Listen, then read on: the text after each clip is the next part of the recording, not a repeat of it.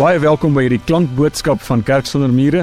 Ons gebed is dat dit regtig vir jou 'n betekenisvolle belewenis sal wees. Hemelse Vader, Here Jesus, Heilige Gees, dankie dat U met ons op pad is. Dat U met elkeen van ons met die unieke mense wat ons is, dat U met ons op pad is in die rigting waarin U wil hê ons moet uitkom. Dankie uh Here Jesus dat U gekom het sodat ons die Vader kan sien, sodat ons die Vader beter kan leer ken. Dankie Here Jesus dat U U lewe gegee het sodat ons in 'n liefdevolle intieme verhouding met ons Vader kan leef. Dankie dat U gekom het sodat daar vir ons in ons verbintenis aan U geen veroordeling is nie. Dat ons met vrymoedigheid in 'n liefdesverhouding met ons Vader kan leef. Heilige Gees, dankie dat U hier is om ons te leer en te lei om die pad van die lewe saam met ons te stap. En kom vanoggend dan ook en kom maak u self 'n bietjie beter aan ons bekend deur die waarheid van die woord. In Jesus se naam. Amen. Ons lees vandag twee gedeeltes uit die Bybel uit. Die eerste een is uit Romeine 8 vers 23 en dan gaan ons ook 'n gedeelte uit 2 Korintiërs die 4de hoofstuk lees. Romeine 8 vers 23 staan daar: en nie net die skepping nie, maar ook ons wat die Gees ontvang het as eerste gawe van God, ons sig ook. Ons sien daarna uit dat God sal bekend maak dat hy ons as sy kinders aangeneem het. Hy sal ons van die verganklikheid bevry. Ons is immers gered en ons het nou hierdie hoop. Wat 'n mens al sien, hoop jy tog nie meer nie. Wie hoop nog, wie hoop nog op wat hy reeds sien?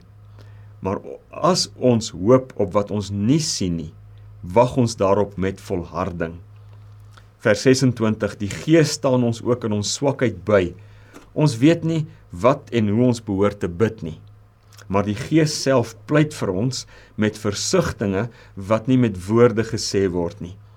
En God wat die harte deurgrond, weet wat die bedoeling van die Gees is, want hy pleit volgens die wil van God vir die gelowiges vers 28 ons weet dat alles ten dat God alles ten goeie laat meewerk vir die wat hom liefhet die wat volgens sy besluit geroep is.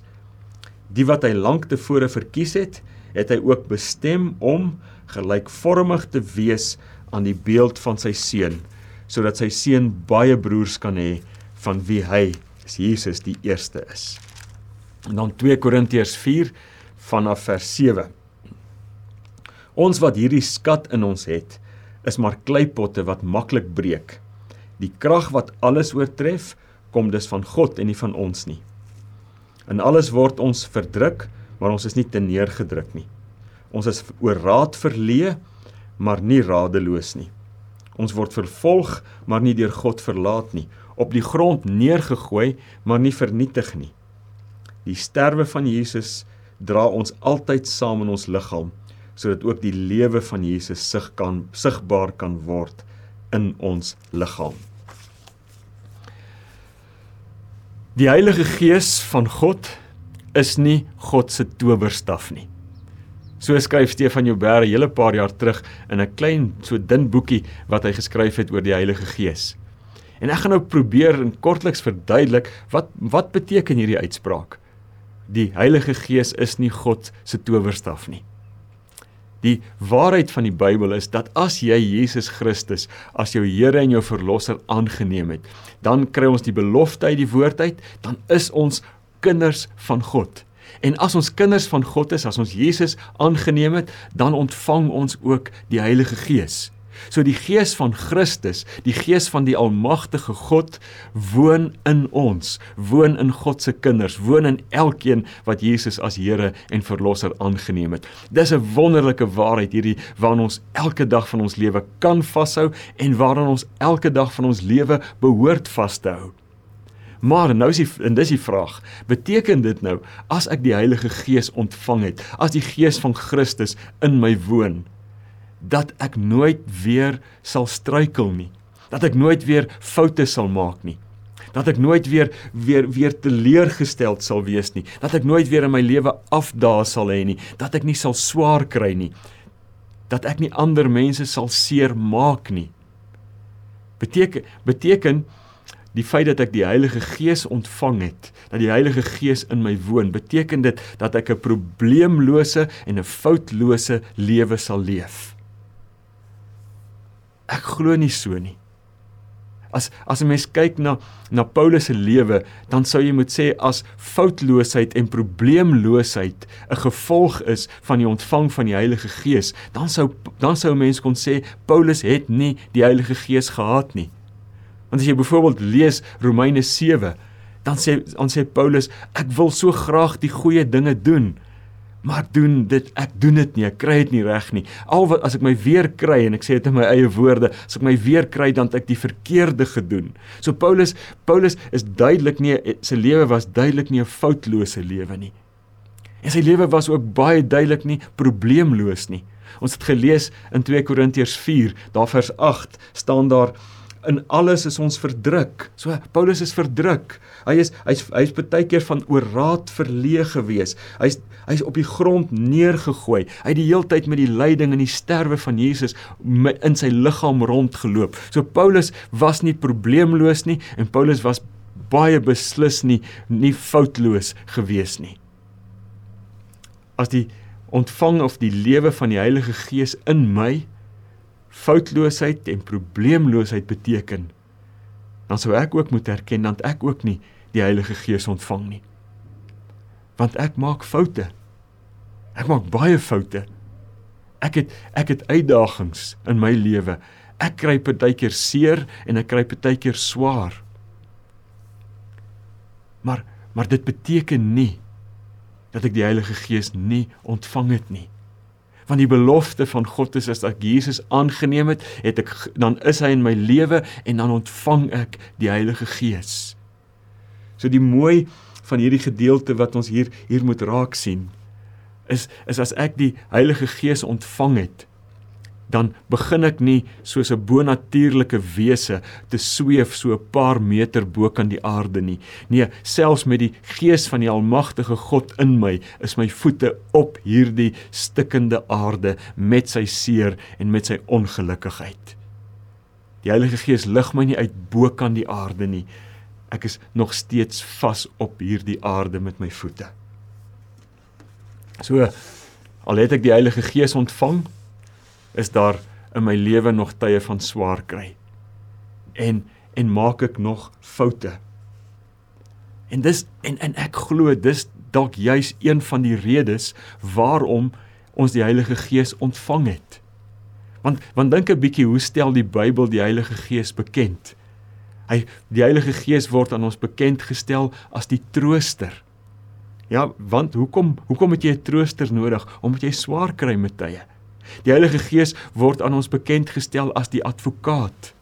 Die een wat die een wat namens ons optree wanneer ons verkeerd doen. Die Heilige Gees word aan ons bekend gestel as die helper, as die een wat wat saam met ons op pad is. So die een van die redes hoekom ons die Heilige Gees ontvang het, is omdat ons foute maak en omdat ons swaar kry in hierdie lewe. En daarom funksioneer sê iemand so mooi die daarom funksioneer die Heilige Gees soms as God se sakdoek. Die een wat wat ons trane kom afdroog wanneer ons swaar kry. Die Heilige Gees is die een wat wanneer ons val langs die lewenspad wat by ons kom kniel en ons wonde verbind. Die die mooi van die Heilige Gees is is sy verbintenis tot jou en tot my. Want as as hy as ons saam met hom wat ons reisgenoot is op die lewenspad stap en en ons struikel, daar kom 'n sonde oor ons pad en ons struikel oor daardie sonde en ons val plat op die grond en ons lê in die stof en bloei. Dan stap ons reisgenoot die Heilige Gees nie dood eenvoudig rustig voort nie, dalk loer so oor die skouer en stap voort nie. Nee, hy gaan stop. Hy kom tot stilstand. Hy kom kniel by ons en hy kom help ons. Hy kom verbind ons wonde, maar hy doen meer as dit. 1 Johannes 1 vers 9 sê hy kom help ons wanneer hy so by ons kniel, kom help hy ons om ons sonde te herken en te erken. Hy kom kniel by ons en hy kom help ons om hierdie sonde en die impak daarvan te verstaan. En hy en dan kom doen hy meer. Hy kom help ons om hierdie sonde voor God ons skuld voor God te bely sodat ons weer met sy hulp en met sy nabyheid kan opstaan uit die stof uit en kan voortgaan om te stap op die pad saam met die Heilige Gees. So die Heilige Gees is die een wat wanneer ons val, wanneer ons struikel en wanneer ons val of dit deur ons eie toedoen is of watter op oor watter rede ook al, is hy die een wat by ons kniel. Wat ons help, wat ons troos, wat ons wonde verbind en vir ons help om deur die belydenis van ons skuld uit die stof uit op te staan. En dan lees ons in Romeine 8 praat Paulus so mooi oor die Heilige Gees. Hy praat daar so mooi oor die Heilige Gees vir 'n seisoen van swaar kry.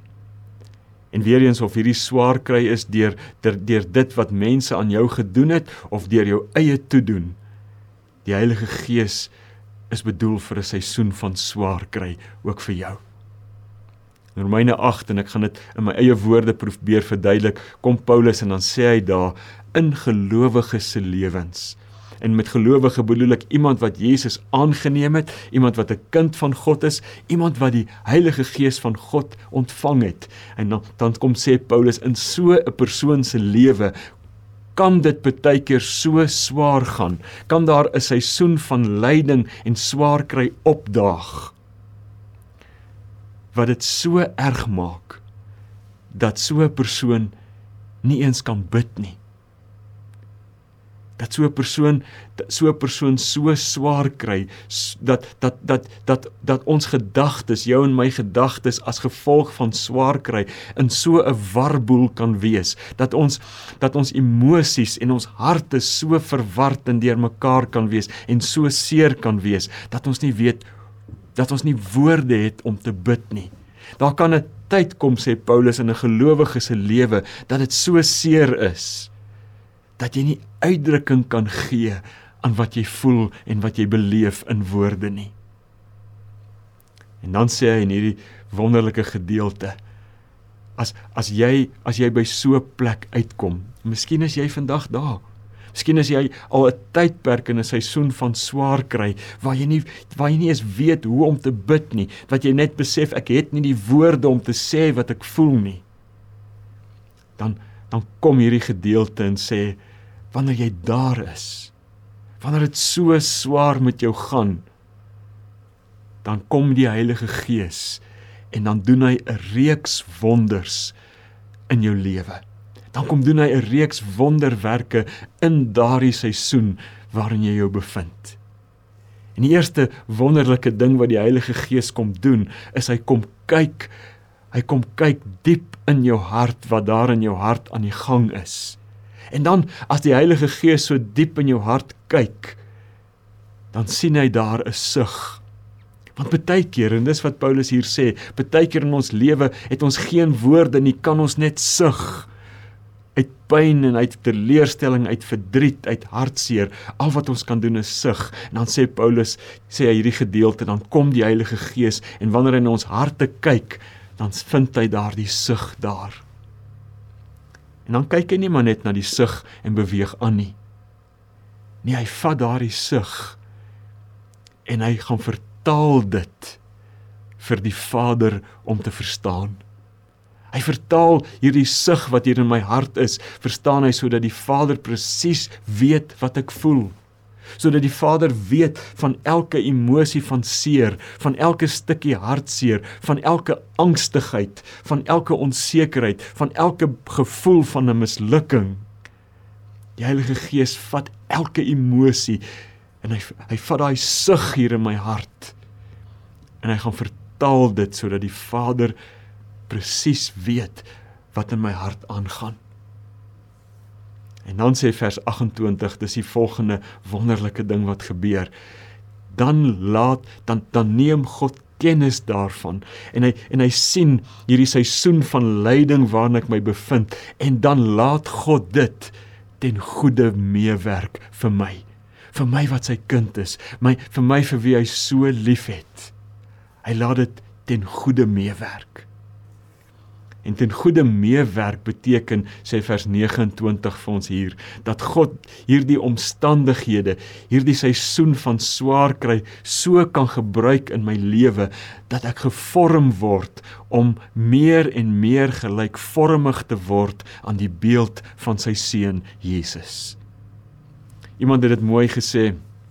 Terug druk terug dit ook iemand gesê en dit is God gebruik dit wat hy haat om te bewerkstellig wat hy liefhet. God haat lyding. God hou nie daarvan as sy kinders seer kry en swaar kry nie, maar God het ons lief. En omdat hy ons so liefhet, weet hy wat vir ons die beste is. En wat vir ons die beste is, is om al hoe meer soos Jesus te wees. En daarom is die troos wat ek en jy het, is dat wat in watter seisoen van die lewe ons ook al bevind, God is met ons besig en ons God wat die almagtige God is. Hy is die een wat in staat is om die slegste ding te gebruik om iets goeds tot stand te bring. Hy kan letterlik enigiets gebruik om my te vorm om meer en meer soos Jesus te wees. So wat ek en jy vandag moet hoor is dit. Die Heilige Gees hou nooit op met werk in ons lewens nie. Dit maak nie saak in watter seisoen ek my bevind nie. Die Heilige Gees is aan die werk in my lewe. En wanneer ek my plat op die grond bevind, wanneer ek plat op die grond lê, dan stap die Heilige Gees nie met 'n uitdrukkinglose gesig aan asof niks gebeur het nie. Nee, hy hy kom kniel by my Hoop jy kry hierdie prentjie in jou gedagtes waar jy plat op die grond lê. Kom kniel die Heilige Gees by jou. En dan vertaal hy jou pyn. Hy vertaal jou seer in 'n hemelse taal sodat die Vader, ons goeie Vader presies verstaan wat in jou hart aan die gang is en die Heilige Gees hou aan daarmee. Hy hou aan daarmee om hierdie hierdie vertaalde sug, hierdie vertaalde pyn te dra tot in die hart van die Vader. Hy hou aan daarmee totdat die Vader iets doen daaraan. So wat ek en jy vandag moet hoor en waar ons kan vashou is dit. As jy ek het dit in die begin ook gesê en ek wil dit weer sê, as jy Jesus as Here en Verlosser aangeneem het, dan het jy die Heilige Gees ontvang, dan is jy 'n kind van God. En daarom omdat jy die Gees ontvang het en omdat jy 'n kind van God is, kan jy weet. Jy kan weet. Dit maak nie saak hoekom ek my op die grond bevind nie. Dit maak nie saak hoekom ek hier in die stof lê nie of dit is om wat iemand anders aan my gedoen het of dit is omdat die lewe net gebeur het en of en of dit is omdat ek droog gemaak het. As jy jouself in die stof bevind, kan jy weet omdat jy die gees van God ontvang het ek sal weer opstaan. Ek sal ek sal weer opstaan want die gees van die almagtige God is in my. En die gees wat in my is is die trooster. Hy's my trooster. Hy's my advokaat. Hy's my helper en hy's my reisgenoot. Die gees van God is vir 'n seisoen soos hierdie. En hy's genoeg ook vir 'n seisoen van swaar kry. Amen. Heilige Gees, dankie dat U nooit ophou werk in ons lewens nie. Dat hy met ons besig is in elke seisoen. Dat hy met ons besig is in 'n seisoen van voorspoed en sukses van ekstase maar dat U ook met ons besig is en by ons is in 'n seisoen van swaar kry. Ja, en Here, ons erken vandag dat baie van die swaar kry wat ons beleef is as gevolg van foute wat ons maak. Dinge wat ons verkeerd besluit. Dinge wat ons in ongehoorsaamheid doen of nie doen nie. Dankie Heilige Gees dat U ons ook nie los wanneer ons val op die grond as gevolg van hierdie foute van ons nie.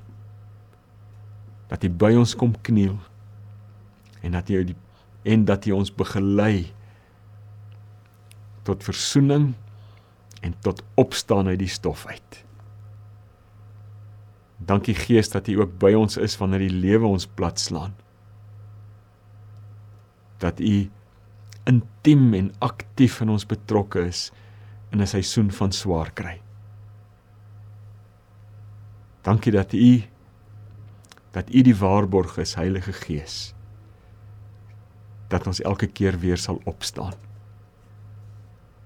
Dankie dat U ons diepste seer ons diepste pyn verstaan omdat U deel is van wie ons is en dat U dit deel met ons Vader. En Vader, dankie dat U iets daaraan doen. Ons eer en ons loof U in die naam van Jesus. Amen. Indien hierdie boodskap vir jou iets beteken het, dan wil ek vir jou vra, deel dit asseblief met iemand wat jy ken. En moet asseblief nie vergeet nie, ons sal jou bitter graag wil verwelkom by ons in-persoon eredienste op Sondag. Vir meer inligting oor Kerk sonder mure, is jy baie welkom om ons webtuiste te gaan besoek of ons op sosiale media te volg.